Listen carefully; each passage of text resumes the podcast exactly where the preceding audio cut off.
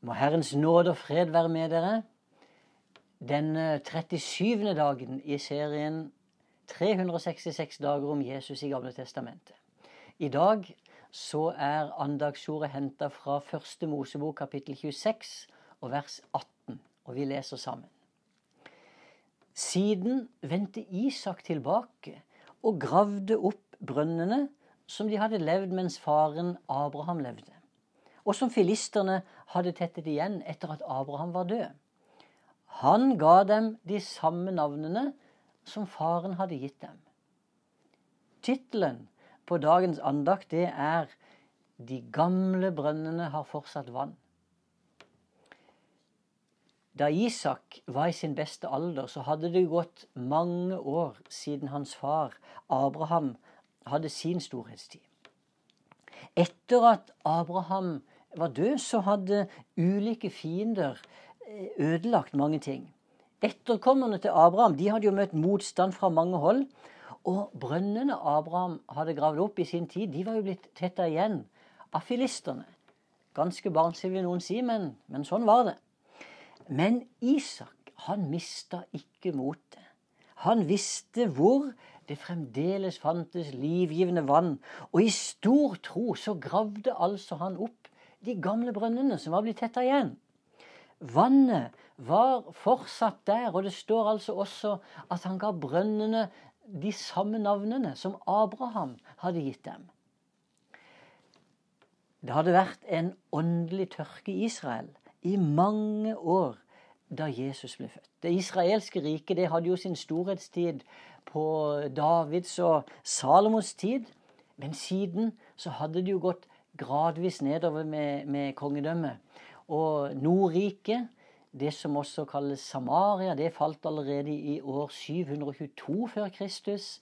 Sørriket, som også kalles Juda, det falt i år 587 før Kristus. Og fra da av så var det jo ikke lenger israelske konger, men det var fremmede herskere som regjerte i Israels land. Og eh, Først så kom jo asyrerne, så kom babylonerne, og så kom eh, perserne. På Jesu tid så var det jo eh, romerne som herska. De siste profetene som vi leser om i Gamle Testamentet, det var med, med Haggai og Zakaria og Malaki. De levde jo på slutten av 500-tallet og begynnelsen av 400-tallet før Kristus. Så det hadde vært en lang tørketid på flere hundre år da Jesus kom. Det hadde vært liten guddommelig åpenbaring i disse århundrene. Så vi kan godt si det sånn at åndelig sett så var brønnene tetta igjen. Og det var et rop, en desperasjon i folket etter dette livgivende vannet. Så akkurat på den tiden som Gud hadde bestemt, kom Jesus. Og Paulus skriver han kom i tidens fylde, så vi kan forstå at dette hadde vært planlagt. Nå var tiden kommet da Messias skulle bli født. Så midt inn iblant et utarma ut, og uttørka folk, så kommer altså Jesus og tilbyr levende vann. Vannet han hadde, det skulle bli en kilde med vann, sier han, som veller fram og gir evig liv. Og det var så viktig for Jesus at alle skulle forstå at brønnene nå var åpna igjen. De hadde blitt tetta igjen, men nå hadde han kommet og åpna dem. Og, og, derfor, for at folket skulle forstå det, så fremsto Jesus nesten som desperat.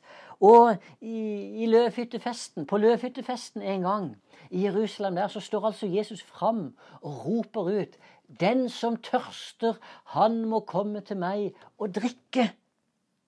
Og det greske ordet som brukes for å rope her, det er et verb som heter kratso. Og det er veldig sterkt. Det brukes i situasjoner der noen skriker eller kaller på noen med en veldig høy stemme. Og ordet det er altså brukt for å beskrive menneskers rop, men som akkurat som ikke de finner ord for å bli forstått. Ordet er også brukt for å beskrive eh, gale mennesker. Eller faktisk også demoners rop. Vi, vi leser hvordan demonene skreik når de ble drevet ut av mennesker. Det var høyt. Eller da Jesus døde på korset, det dødsropet. Da er det også et sånt uttrykk som brukes. Eller så brukes det faktisk også om gravide kvinner. Og hvis du har vært gravide kvinner som føder Hvis du har vært med på fødsel noen gang, sånn som meg, så, så, vet du hva jeg snakker om. Jeg har hatt gleden av å være med på, på tre fødsler. Og det er akkurat som selve urkraften tar tak i kvinnene når de føder. Det er noe som kommer fra dypet av, av, av magen og, og, hjertet der, altså. Og det kan jo skremme vann av hvem som helst. Og jeg har også hørt demonene som skriker i villskap hundrevis av ganger. Og for at vi skulle forstå hvor desperat Jesus var for å høre budskapet, så brukes altså et sånt ord kratso. Brønnene er åpna igjen. Kom og drikk. Jesus var desperat. Og grunnen til at Jesus var så desperat, det var jo av betydningen av brønnenes innhold. For brønnene inneholder nemlig levende vann. Og det står om liv eller død. Alle som kommer for å drikke det vannet Jesus tilbyr, de vil jo bli lukka inn i Guds rike og Guds himmel og få del i Hans frelse. Mens de som ikke vil drikke dette levende vannet, de går fortapt og må leve en evighet i helvete. Derfor var jo Jesus desperat. Og hvor kommer så det levende vannet fra? Det er interessant å vite. Du ser, det kommer fra de gamle kildene.